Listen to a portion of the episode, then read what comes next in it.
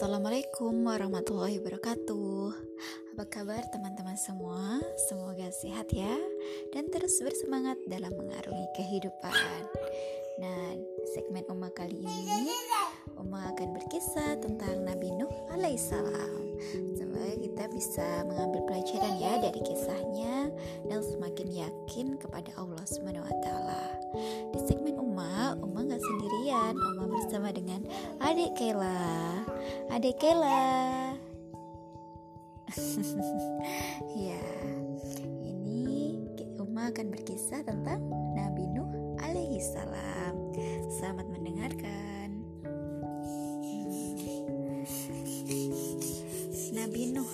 Salam merupakan putra dari Lami bin Mata Salib bin Idris. Menurut Al-Quran, usia Nabi Nuh ialah sekitar 950 tahun. Itu tertuang dalam Quran Surat Al-Ankabut ayat 14. Setelah Nabi Idris meninggal dunia, perilaku masyarakat semakin menyimpang. Begitu juga kaum Nuh yang ketika itu menyembah berhala. Al-Quran menyebutkan hal ini dalam surat Nuh ayat 23. Allah berfirman, mereka berkata, Jangan kamu tinggalkan Tuhan-Tuhan kamu dan jangan kamu tinggalkan Wat, Suwa, Yahud, Ya'uk, dan Nasr. Selain itu, kaum Nabi Nuh terkenal zalim dan sewenang-wenang. Kejayaan dan kekayaan membuat mereka sombong. Martabat dan harga diri diukur dari banyaknya harta. Itu, orang-orang makin dipandang rendah. Para budak diperlakukan seperti binatang. Melihat keadaan itu, Allah merintahkan Nuh untuk mengajak mereka ke jalan yang benar. Dengan sabarnya, Nabi Nuh menyampaikan ajaran-ajaran Allah kepada masyarakat yang musyrik. Nabi Nuh berkata kepada kaumnya, "Dan sesungguhnya aku memperingatkan kamu akan siksaan Allah, dan aku menjelaskan kepadamu jalan keselamatan. Maka sembahlah Allah saja dan jangan menyekutukannya dengan satu apa pun." Karena aku khawatir apabila kamu menyembah selain Ia, atau menyekutukannya dengan yang lain, dia akan menyiksamu pada hari kiamat dengan siksaan yang sangat menyedihkan. Quran Surat Hud ayat 25 sampai 26. Ternyata dakwah Nabi Nuh tidak mendapat sambutan yang baik. Mereka malah mencemooh dan menghina Nabi Nuh. Mereka juga meremehkan Nabi Nuh dan pengikutnya yang miskin. Maka berkatalah pemimpin-pemimpin yang kafir dari kaumnya, kami tidak melihat kamu melainkan sebagai seorang manusia seperti kami. Dan kami tidak melihat orang-orang yang mengikuti kamu, melainkan orang-orang yang hina dina di antara kami, yang lekas percaya saja. Dan kami tidak melihat kamu memiliki sesuatu kelebihan apa pun atas kami. Bahkan kami yakin bahwa kamu adalah orang-orang yang berdusta. Di hal ini tertuang dalam Quran Surat Hud ayat 27. Nabi Nuh kesal terhadap sikap kaumnya. Ia pun berlindung kepada Allah dan kemudian meminta pertolongannya. Ia berdoa kepada Allah, "Ya Tuhanku, sesungguhnya aku telah menyeru kaumku untuk beriman kepadamu. Aku juga mengajak mereka untuk meninggalkan penyembahan berhala. Aku sangat berharap mereka mau beriman. Tidak kulewatkan setiap kesempatan, melainkan kuajak mereka siang dan malam. Ternyata harapanku sia-sia. Mereka malah makin membangkang dan durhaka. Setiap kali ku ajak mereka untuk menyembahmu, supaya engkau bisa maafkan kesalahan-kesalahan mereka. Mereka pun menutup telinganya dengan ujung jarinya. Mereka tidak suka mendengarkan ajaranku. Mereka sangat berlebih-lebihan dalam pembangkangan, sampai-sampai mereka menutup wajahnya dengan baju supaya tidak melihatku dan tidak mendengar. Wahai Tuhanku, aku telah mengajak mereka untuk menyembahmu berulang-ulang dengan berbagai cara. Kadang-kadang aku mengajak secara terang-terangan dalam kelompok-kelompok mereka. Kadang-kadang secara sendirian terhadap seseorang di antara mereka. Aku berkata kepada mereka, mintalah ampunan kepada Tuhanmu, bertobatlah dalam dan dari kekafiran dan kemaksiatan. Sungguhnya dia menerima tobat hamba-hambanya. Dia memaafkan kesalahan-kesalahan serta memberi ganjaran atas tobat dan istighfarmu. Maka dia akan menurunkan hujan yang deras bagi kamu, hujan yang akan menyuburkan tanahmu sesudah kekeringan. Dia memberi rezeki kepadamu berupa harta benda untuk kamu nikmati dan mengaruniai anak-anak yang akan membantu kamu. Kebun-kebun yang lebat akan membuat hidupnya sejahtera, dan sungai-sungai akan menjamin pengairan bagi tanahmu. Nah, itu adalah Quran eh, itu adalah doa Nabi Nuh dalam Quran surat Nuh ayat 5 sampai 12. Sudah tidak ada lagi harapan bagi kaum Nuh akan beriman kecuali hanya sedikit saja. Akhirnya Nabi Nuh berdoa agar Allah menimpakan azab kepada kaumnya. Allah pun mengabulkan doa Nabi Nuh. Sebelum membinasakan kaum kafir itu, Allah memerintahkan kepada Nabi Nuh dan kaum muslimin untuk menyiapkan menyiapkan alat untuk menyelamatkan diri. Allah menyuruh mereka untuk membuat sebuah kapal. Nabi Nuh dan pengikutnya segera menjalankan perintah Allah itu. Mereka mulai membuat kapal. Namun pembuatan kapal tersebut diejek oleh orang-orang kafir. Untuk menghadapi ejekan orang-orang kafir itu, Nabi Nuh berkata, "Jika kamu mengejek kami, maka sesungguhnya kami pun mengejekmu sebagaimana kamu sekalian mengejek kami.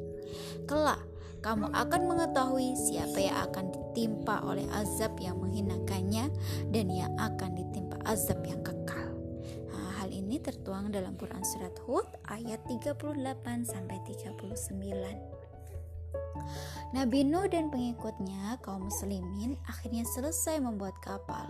Selanjutnya, Allah merintahkan Nabi Nuh untuk mengumpulkan sepasang dari setiap jenis hewan yang hidup. Lalu, hewan-hewan itu dimasukkan ke dalam kapal. Hal ini supaya mereka berkembang biak lagi. Sebab nanti setelah bencana besar melanda, makhluk hidup di muka bumi akan musnah, kecuali yang ikut naik ke kapal Nabi Nuh. Setelah itu Nabi Nuh menyuruh semua pengikutnya naik ke kapal. Nabi Nuh berkata kepada orang-orang berfirman, beriman, Naiklah ke kapal dengan menyebut nama Allah Ta'ala di waktu berlayar dan berlabuh. Mereka berdoa demikian karena bukan kapal itu yang menyelamatkan mereka dan hanya Allah lah yang menjalankan dan menghentikan kapal itu. Sehingga wajiblah atas mereka berharap kepada Allah. Setelah semuanya siap di dalam kapal, Allah menurunkan hujan dari langit. Allah menyuruh bumi memancarkan air dari segenap penjurunya. Dalam sekejap, air dari langit dan bumi berkumpul sehingga timbullah air bah yang dahsyat Itulah bencana yang ditakdirkan Allah dengan doa untuk membinasakan orang-orang kafir. Sementara itu, kapal berlayar dengan perlindungan Allah dan pemeliharaannya. Allah telah menyelamatkan Nabi Nuh dan orang-orang yang beriman. Nabi Nuh teringat akan putranya. Sebagai seorang bapak yang menyayangi ayahnya, Nabi Nuh memanggilnya ia memintanya untuk naik ke kapal bersama keluarga yang lain. Namun putranya menolak.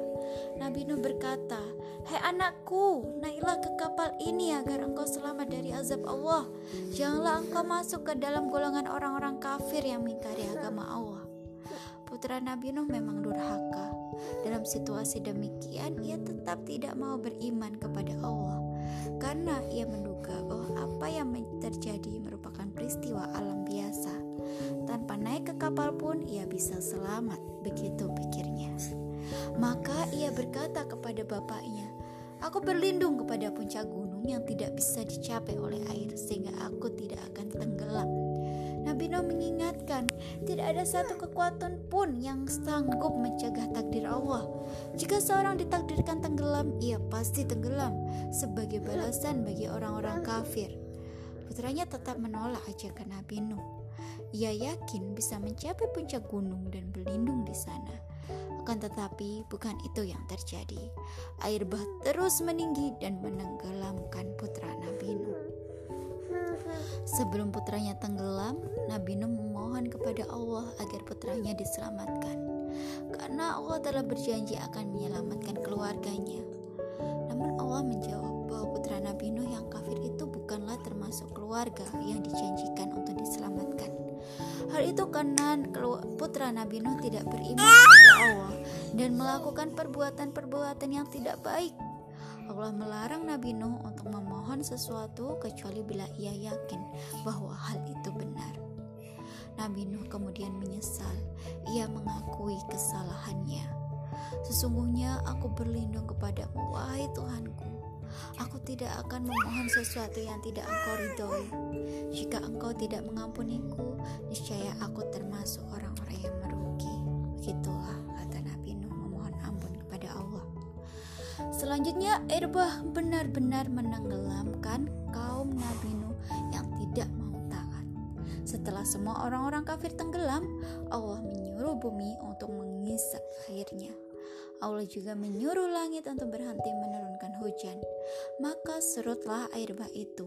Kapal Nabi Nuh kemudian terdampar di Gunung Judi.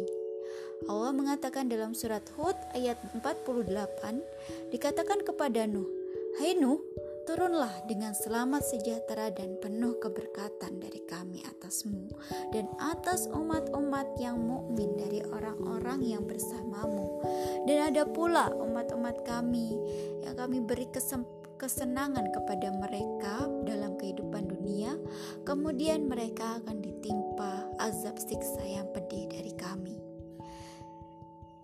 itu adalah firman Allah kepada Nabi Nuh di tanah baru itulah pengikat pengikut Nabi Nuh yang hidup dengan damai. Lalu mereka berkembang sehingga jumlahnya menjadi banyak lagi. Adalah nabi yang diutus Allah kepada kaum Ad di Al-Ahqaf sebagaimana firman Allah dan ingatlah Hud saudara kamu Ad yaitu ketika dia memberi peringatan kepada kaumnya di Ahqaf dalam Quran Surat Al-Ahqaf ayat 21. Menurut ahli sejarah, Al-Ahqaf merupakan daerah di antara Yaman dan Aman atau Yordania sampai Hadramaut dan As-Sojar. Kaum Ad hidup di daerah yang tanahnya subur, mata air mengalir dari segala penjuru. Kondisi daerah sebaik itu memudahkan mereka untuk mengolah pertanian. Mereka juga mendirikan gedung-gedung megah di kota-kota. Kaum kaum Ad diberikan kekayaan harta benda oleh Allah. Akan tetapi ternyata kaum Ad lupa bersyukur kepada Allah. Padahal mereka telah mendapat begitu banyak nikmat. Mereka malah menyembah berhala yaitu Syada, Samud, dan Al-Haba. Astagfirullah. Nah itulah kisah dari kaum Nabi Nuh ya teman-teman Semoga kita mampu mengambil pelajaran dari kisah ini semakin menjadikan kita dekat dengan Allah dan yakin Bahwa sesungguhnya Allah adalah Tuhan satu-satunya yang patut kita sembah Dan satu-satunya yang patut kita taati Terima kasih sudah mendengarkan. Semoga kisah ini bermanfaat. Wassalamualaikum warahmatullahi wabarakatuh.